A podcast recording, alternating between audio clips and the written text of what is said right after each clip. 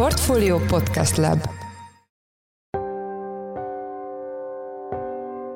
Mindenkit üdvözlünk, ez a Portfolio Checklist július 12-én szerdán. A mai műsor első részében a svéd NATO csatlakozással kapcsolatos török pozíció megváltozásáról lesz szó. A mostani helyzet kapcsán nem volt feltétlenül várható, hogy Erdogán most ezt így dűlőre viszi, és hát, hogy mennyire viszi dűlőre, ugye úgy tűnik a mai hírek alapján, hogy bár eddig is szó volt arról, hogy ez azért csúszhat még, tehát hogy az a támogatás, még annak is megvan az esélye, hogyha a héten a török parlament normális menetrend szerint fog ülésezni, akkor októberre súszik majd ennek az ügynek a tárgyalása. A témáról Kerekes Miklóst és Kis Csabát, a Portfolio globál rovatának elemzőit kérdeztük. A műsor második részében kulturális témánk lesz, a jövő héten Debrecenben megrendezendő Campus Fesztiválról lesz szó. Én Forrás Dávid vagyok, a Portfolio podcast szerkesztője, ez pedig a checklist július 12-én.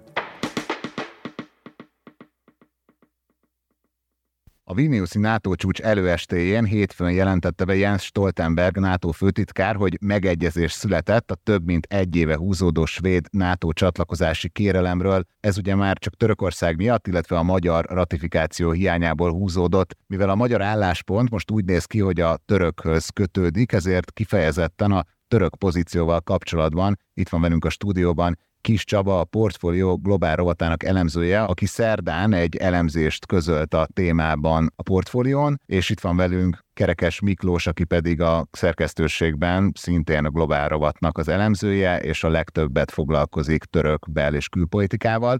Úgyhogy sziasztok, szia Csaba! Szia Dávid, üdvözlöm a hallgatókat! Szia Miklós! Szervusz, üdvözlöm a kedves hallgatókat! Csaba, először hozzád fordulnék, létszes foglald össze, hogy az elmúlt hetekben milyen irányváltások után egyezett bele Erdogán elnök Svédország NATO csatlakozásába? A leglátványosabban az elmúlt pár napban történt egy, egyfajta pálfordulás Erdogán részéről. Ennek az első, első fontos fejezete az a pénteki találkozója volt Volodymyr Zelenszky ukrán elnökkel Törökországban, ahol meglepetésre Erdogán szabadon engedett, vagy hát elengedett öt korábbi ukrán parancsnokot, akik Mariupolban az, az Azovsztál gyárat védték. Őket szeptemberben adta át Oroszország Törökországnak, azzal a feltétellel, hogy a háború végéig nem mehetnek vissza Ukrajnába. Állítólag Erdogan ezt a feltételt szekte meg, azzal, hogy Volodymyr Zelenszkinek átadta ezt az öt ukrán parancsnokot, akik, akik aztán haza is tértek Zelenszkiel együtt Ukrajnába. Ugyanezen a találkozón Erdogan azt is bejelentette, hogy szerinte Ukrajna megérdemli a NATO csatlakozást, tehát megérdemli, hogy a NATO tagja legyen. Ez is egy elég erős kijelentés volt, miközben meglehetősen nagy viták vannak abban a NATO-ban, ez most a mostani NATO csúcson is látszik, hogy, hogy Ukrajna milyen időtávon, milyen módon csatlakozhatna a NATO-hoz.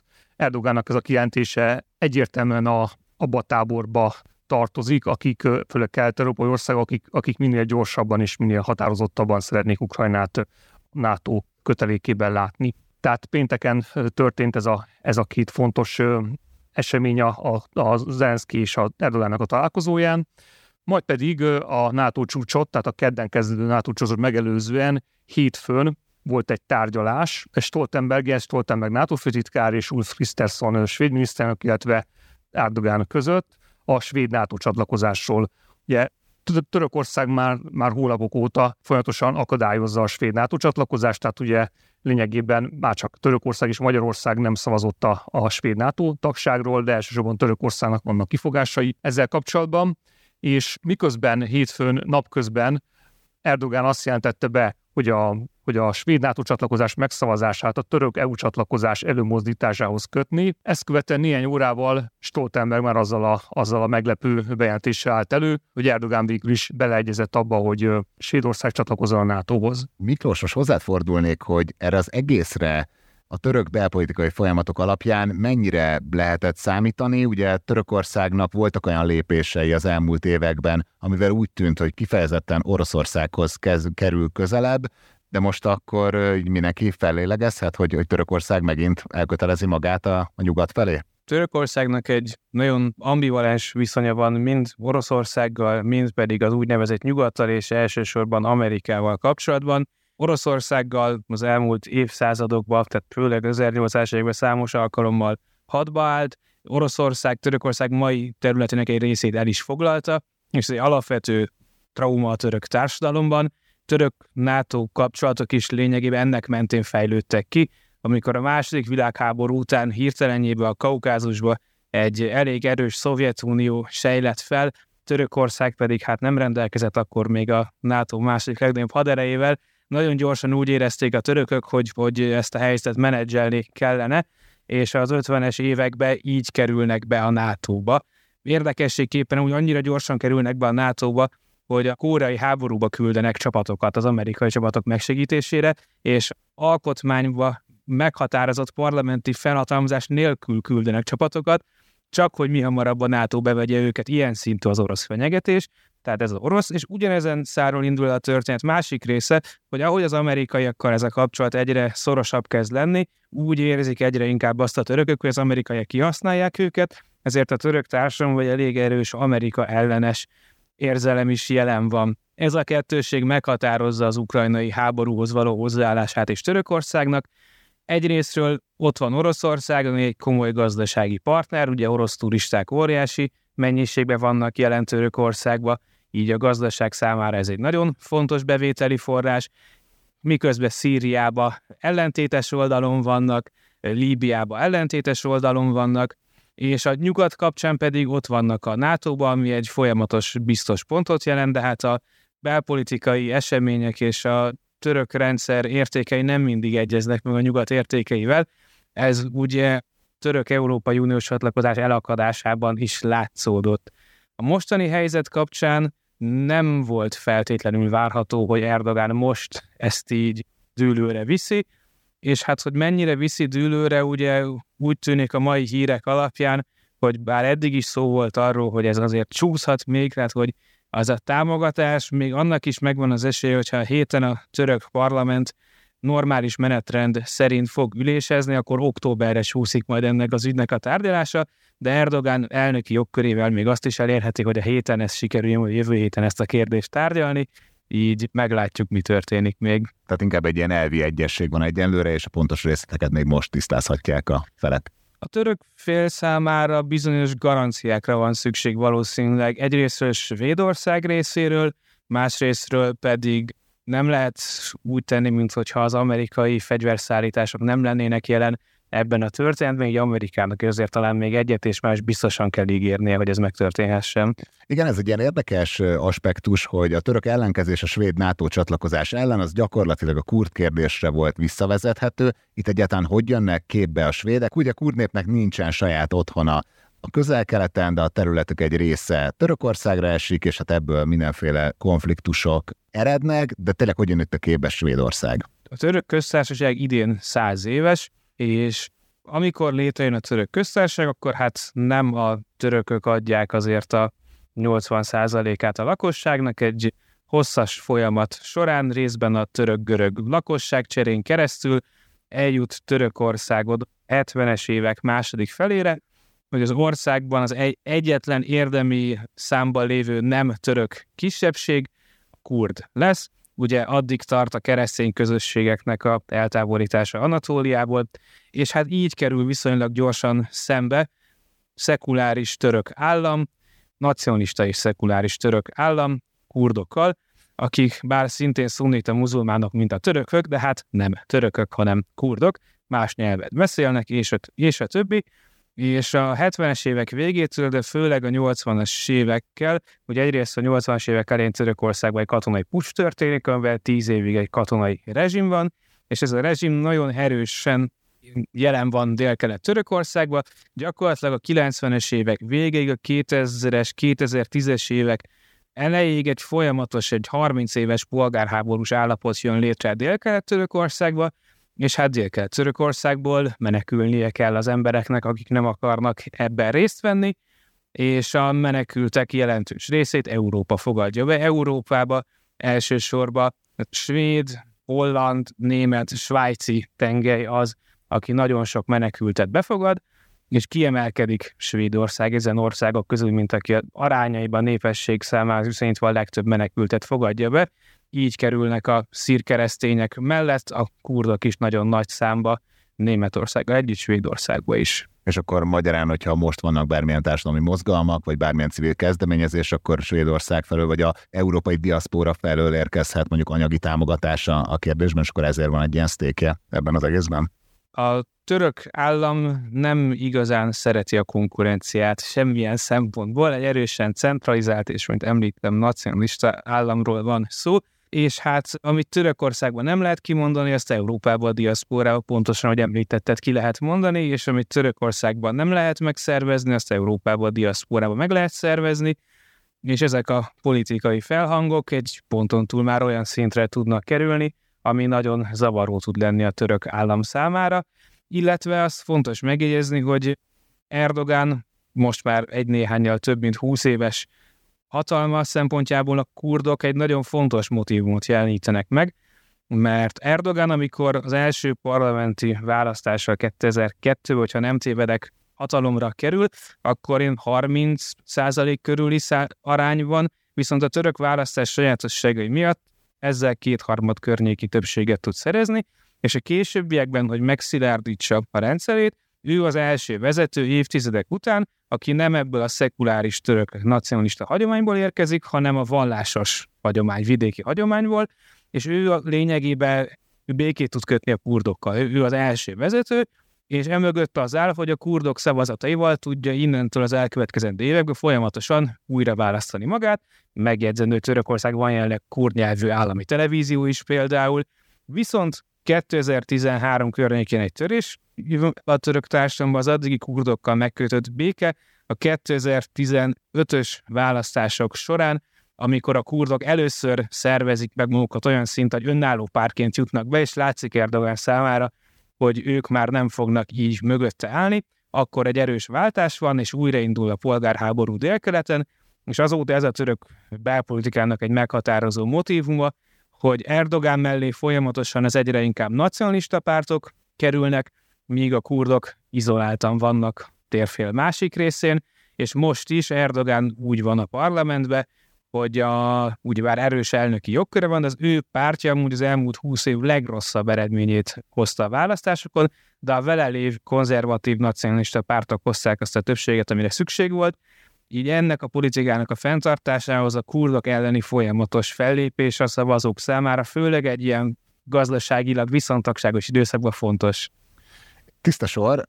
Csaba, a cikketben, amit persze linkelünk az epizód jegyzetekbe, ugye azt is írott, hogy most új lehetőség nyílhat a, a görög-török viszály rendezésére vagy elsimítására. Ez mire vezethető most vissza?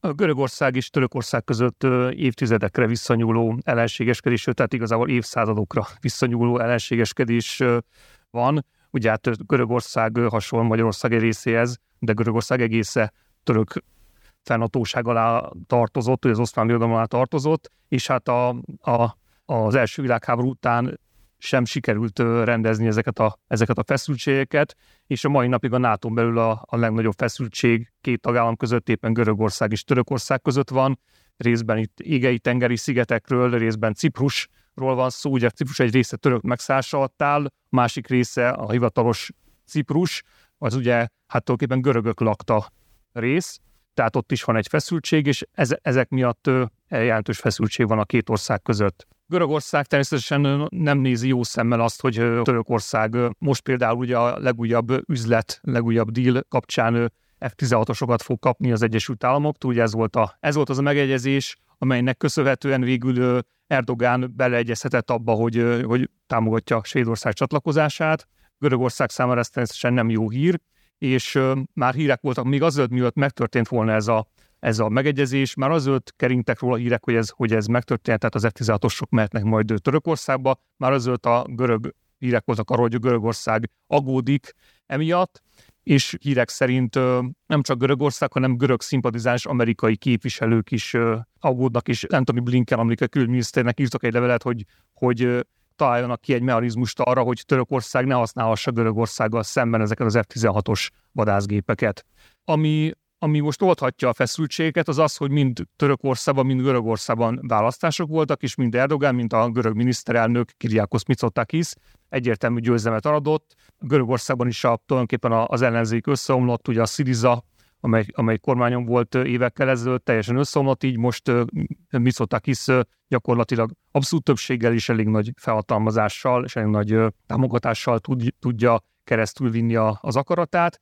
Így, így ebben a helyzetben, tehát a két választást követően mind a két vezető visszavett kicsit a tónusból, tehát a, ezeket a nacionalista, a másik ellen hergelő szövegeket szövegekből visszavehet, és ezért közel került a megegyezés, egyfajta megegyezés a két ország között. Nagyon szépen köszönöm az elemzéseteket. Az elmúlt percekben Kis Csaba és Kerekes Miklós a Portfolio Globál rovatának elemzői voltak a checklist vendége. Köszönjük szépen, hogy itt voltatok. Mi is köszönjük, sziasztok! Köszönjük a lehetőséget!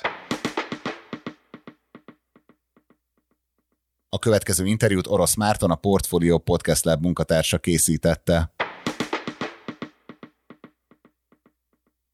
Július 19-én kezdődik az idei Campus Fesztivál Debrecenben. A rendezvény az elmúlt évben a top 3 magyar nagyfesztivál közé nőtte ki magát, ezzel együtt a régió és Kelet-Magyarország meghatározó turisztikai projektjének számít. Erről is kérdezzük Miklós Völgyi Pétert, a Debreceni Campus Kft. ügyvezetőjét, a fesztivál egyik főszervezőjét. Szia Péter, köszöntelek a checklistben. Én is köszöntök mindenkit. Jól mondtam itt a felvezetőben, hogy akkor ti már a magyar top 3 nagy fesztivál között vagytok látogató számban? Milyen számokról beszélhetünk itt? Hát nehéz ezt így megmondani, meg lehet, hogy szerintelenségnek is hangzana a, részünkről vagy a részemről, de tavaly az Iger után hivatalos kommunikáció szerint nálunk voltak legtöbben Magyarországon zenei fesztiválon. Lehet, hogy valaki eltitkol mondjuk 50 ezer látogatót, nem tudom, nem hiszem, de elvileg most mindenképpen top 3-ban vagyunk, igen. Hogy kell elképzelni a költségvetéseteket, milyen büdzsével dolgozik a kampusz, mondjuk akár idén, vagy a tavalyi évben, ez milyen nagyságrendek vannak itt? A költségvetésnek a főösszege az olyan 1,3-1,4 milliárd forint körül van. Nálunk eléggé egységes rendszereket üzemeltetünk, ami azt jelenti, hogy a vendéglátásnak az ital forgalmazási részét teljes mértékben, vagy 90 5%-ban mi tartjuk kézben, tehát nem vonunk be a vállalkozókat, ezért tudunk például a többi fesztiválnál jóval-jóval olcsóbb sörárakat adni. Egészen pontosan 1000 forint alatt még mindig a korsó sör, sőt a támogatói helyszínen meg 690, tehát hogy szerintem olyan fesztivál árak lesznek, amik magában egyébként vonzóak, mert sokan szerintem elhűlve tapasztalták, hogy milyen árak vannak a fesztiválokon ebben az évben. De ezt hogy tudjátok egyébként kigazdálkodni? Tehát azért tényleg akár merre járunk szórakozni, mondjuk Budapesten, de akár megyeszékhelyeken is, azért hát ha csak a söráraknál maradunk, már mindenhol szinte 1000 forint körüli vagy feletti sörárakat láthatunk. Egyébként ez talán egy ilyen jó viszonyítási pont. Ezt hogy tudjátok kigazdálkodni, vagy mondjuk úgy is kérdezhetném, hogy kell-e valamilyen áldozatot hozni, hogy picit így nyomva tartsátok ezeket az árakat? Mi abban hiszünk, hogy a nyomott áraink amik saját kezelésünkben vannak a vendéglátóhelyek, azok inkább hatnak a jegyvásárlásnak a megnövekedésére. Látjuk azt, hogy nekünk a vendéglátásnak a bevétele az a teljes büdzsének ilyen 10-15%-a, a jegybevétel pedig a 60-70%-a, úgyhogy azt hiszem, hogy nem ez egy stratégia, hogy nem szállunk el a vendéglátó árakkal. Másik oldalról pedig,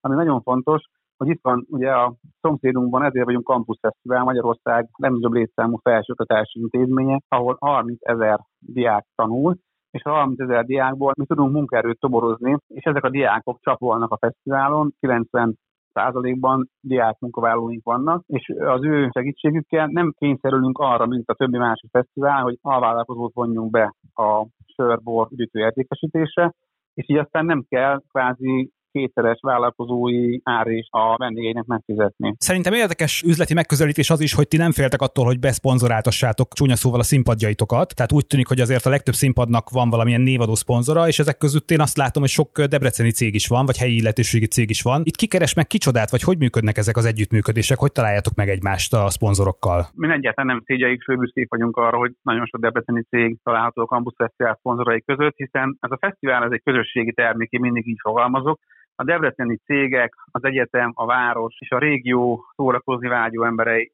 nélkül, mindenkinek a szerves, hatatós közleműködése nélkül nem tudnánk sikeresek lenni. Ezek olyan ilyen magától értetődő folyamatok, hogy van, hogy megyünk, keressük a lehetőséget, vannak nyilván nekünk is szponzori kiajánlóink, de nagyon sok esetben ez ilyen baráti, üzleti kapcsolatból adódó együttműködések, amiket a 15 év működése alapoz meg, és ilyen 70%-ban, 80%-ban már nem kell mennünk úgymond a szponzorok után, hanem ezek gyakorlatilag a utóbbi 15 évnek a tapasztalatából, általában pozitív tapasztalatából építkeznek. Aki járt már a kampuszon, legalábbis az elmúlt években azt tudhatja, hogy Debrecen Debrecenben a Nagy Erdőben kap helyet a fesztivál, tehát úgy is mondhatnám, hogy Magyarország második legnagyobb városának, szinte a tágabb értelemben vett belvárosában. Én azt feltételezném egyébként, hogy azért ez nem olyan súrlódásmentes, itt az együttműködés mondjuk a környéken lakókkal, vagy a debreceniekkel. Száfolj meg, légy szíves, hogy áll hozzátok a város, hogy állnak hozzátok a lakók? Abszolút támogatólag áll a város, és a lakók is megszokták, de nem abban az értelemben, hogy kénytelenek voltak megszokni. Nyilván egyébként mi sem tudunk a szabályoktól eltérni,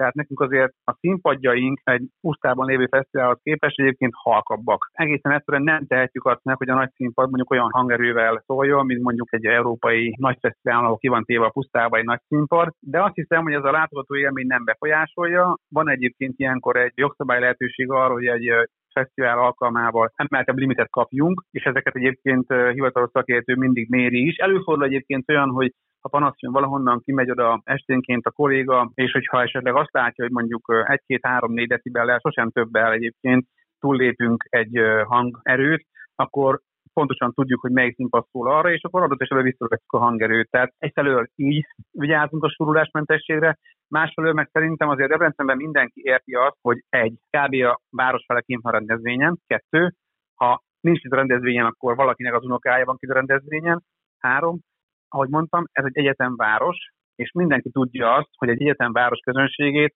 ki kell szolgálni, és mikor nem, ha nem a nyári négy napban, amikor tényleg jelentősen megnő a, a városnak a hotel foglaltsági mutatója, a kollégiumok ismét tele lesznek, a Debreceniek alapvetően büszkék a Campus Fesztiválra, tehát egy csomó-csomó pozitív energia segít minket szerintem. Mik az idei újdonságok? Most nem feltétlenül a fellépőkre gondolok, hanem mondjuk turisztikai szemmel, vagy a zöldítés szempontjából azért nyilván egy több tízezer főt befogadó rendezvénynek már erre bizony-bizony illik odafigyelnie, hogy fenntarthatóan működjön és minden inkább zöldebb legyen. Vannak-e most olyan projektjeitek, amik kimondottan 2023-ra szólnak? Az alapok már az előző években lefedetésre kerültek, tehát repohár rendszerünk van például, számos zöld szervezet van jelen a rendezvényen, és nem akarok egyébként olyan dolgozni, ami lehet, hogy nem nyilvános, de lesz egy színpadunk az egyik támogatónk voltából, ami egy egészen high-tech, egészen zöld, egészen fenntarthatóságot fog önmagából árasztani, sugalni. Nem merem kimondani a támogatónak a nevét, de egy fantasztikus színpadot fog létrehozni, és hát az szerintem ilyen, majdnem azt mondhatom, hogy világ szinten egyedülálló lesz, ha arra gondolunk, hogy olyan egy színpadot fenntarthatóan és, és a zöld üzenet által vezérel üzemeltetni. Úgyhogy már csak ezért is érdemes feljönni, mert a színpadot majd látja, ha ránéz, egyből látni fogja, hogy miről beszélek. Akkor légy szíves, említs meg néhány nagy fellépőt, itt azért úgy láttam, hogy komoly nemzetközi előadók lesznek nálatok idén is. Igen, sok külföldi szárunk lesz, de kiemelném mindenképpen Robin Schulzot, Barosz vagy egyensen Párizsból jön Zalsz hozzánk, de itt lesz egyébként Minelli, vagy akár az ATB is, tehát azt hiszem elég, elég színes lesz a Nemzetközi Felhatatos Campus Fesztiválon. És a magyarok közül akkor, hogyha jól láttam, azért a klasszikus nagyszínpados fellépők nálatok sem maradhatnak el. Nem marad el szinte senki, egy-két kimaradónk van csak, de ennek technikai okai vannak, tehát Szert Kartonkómánk, itt ez Majka, Tankcsapda, Azaria, Halottény, Szorlás Tamás, Bájelek, Bagosi, Forest Street, rengetegen nem tudom felsorolni, tehát több mint 315 koncertprogram lesz a négy nap alatt. És akkor hogy álltok a jegyeladásokkal az idei évben? Vannak-e még jegyek, vagy látszik-e már olyan, hogy lesz teltházas nap, és mondjuk érdemes sietni a jegyvásárlással, illetve mennyibe kerülnek jelenleg akkor az utolsó körös jegyek? Nem látszik még, hogy lesz teltház, az biztos, hogy a június 30-ai bérletforlónál majdnem a tavalyi 120%-ára adtuk a bérleteknek, tehát a bérletek kifejezetten jól állunk. A napi jegy az egy kicsit árérzékenyebb történet, mert az már 18 és 20 ezer forint között lesz a fesztiválnak a napjaiban, és már ezekben a napokban is. Nyilván azt nem tudjuk, hogy ez a fogyasztói magatartás, amit sok fronton látunk, hogy, hogy mondjam, az emberek óvatosabbak, hogy ennek fogjuk-e mi érezni itt a fesztiválon a hatását. Tényleg nem tudjuk. Reménykedünk benne, hogy nem fogjuk megérezni, de azon sem lepődném meg, hogy azt lennénk kész, hogy mi a tavalyhoz képest mondjuk kevesebb a napi egyesünk, de bérletesek tekintetében egyenlőre rekordon állunk. Hát akkor hamarosan kiderül, hogy hogy is alakulnak az idei látogatószámok, és hát jó fesztiválozást, meg még a hátralevő napokra jó munkát kívánok. Miklós Völgyi Péterrel, a Debreceni Campus Kft. ügyvezetőjével, a Campus Fesztivál egyik főszervezőjével beszélgettünk itt a Portfolio Checklistben. Köszönöm szépen. Köszönöm én is.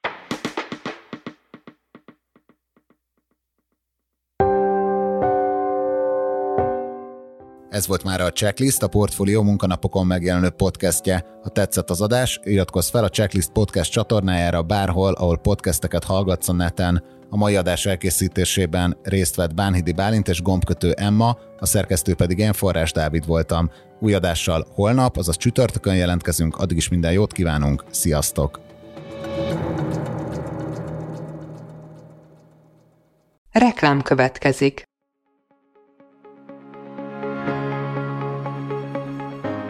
Raúl Müller Lajos vagyok, az Agrárszektor főszerkesztője. Májusban két tematikus konferenciát is rendezünk Kecskeméten az agrofood szektor szereplőinek. A május 22-én tartandó Portfolio Agrofood 2024 konferencia az élelmiszeripari vállalkozások, beszállítóik, a szolgáltató cégek és a kereskedők számára nyújt egyedi betekintést az aktuális trendekbe. A május 23-án megrendezendő Agrofuture konferencia pedig egyedülálló módon tematikus formában foglalja össze a hazai agrárgazdaság fenntarthatósági követelményeit és innovációs lehetőségeit.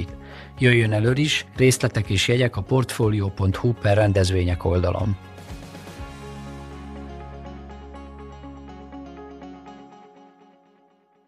Reklámot hallottak.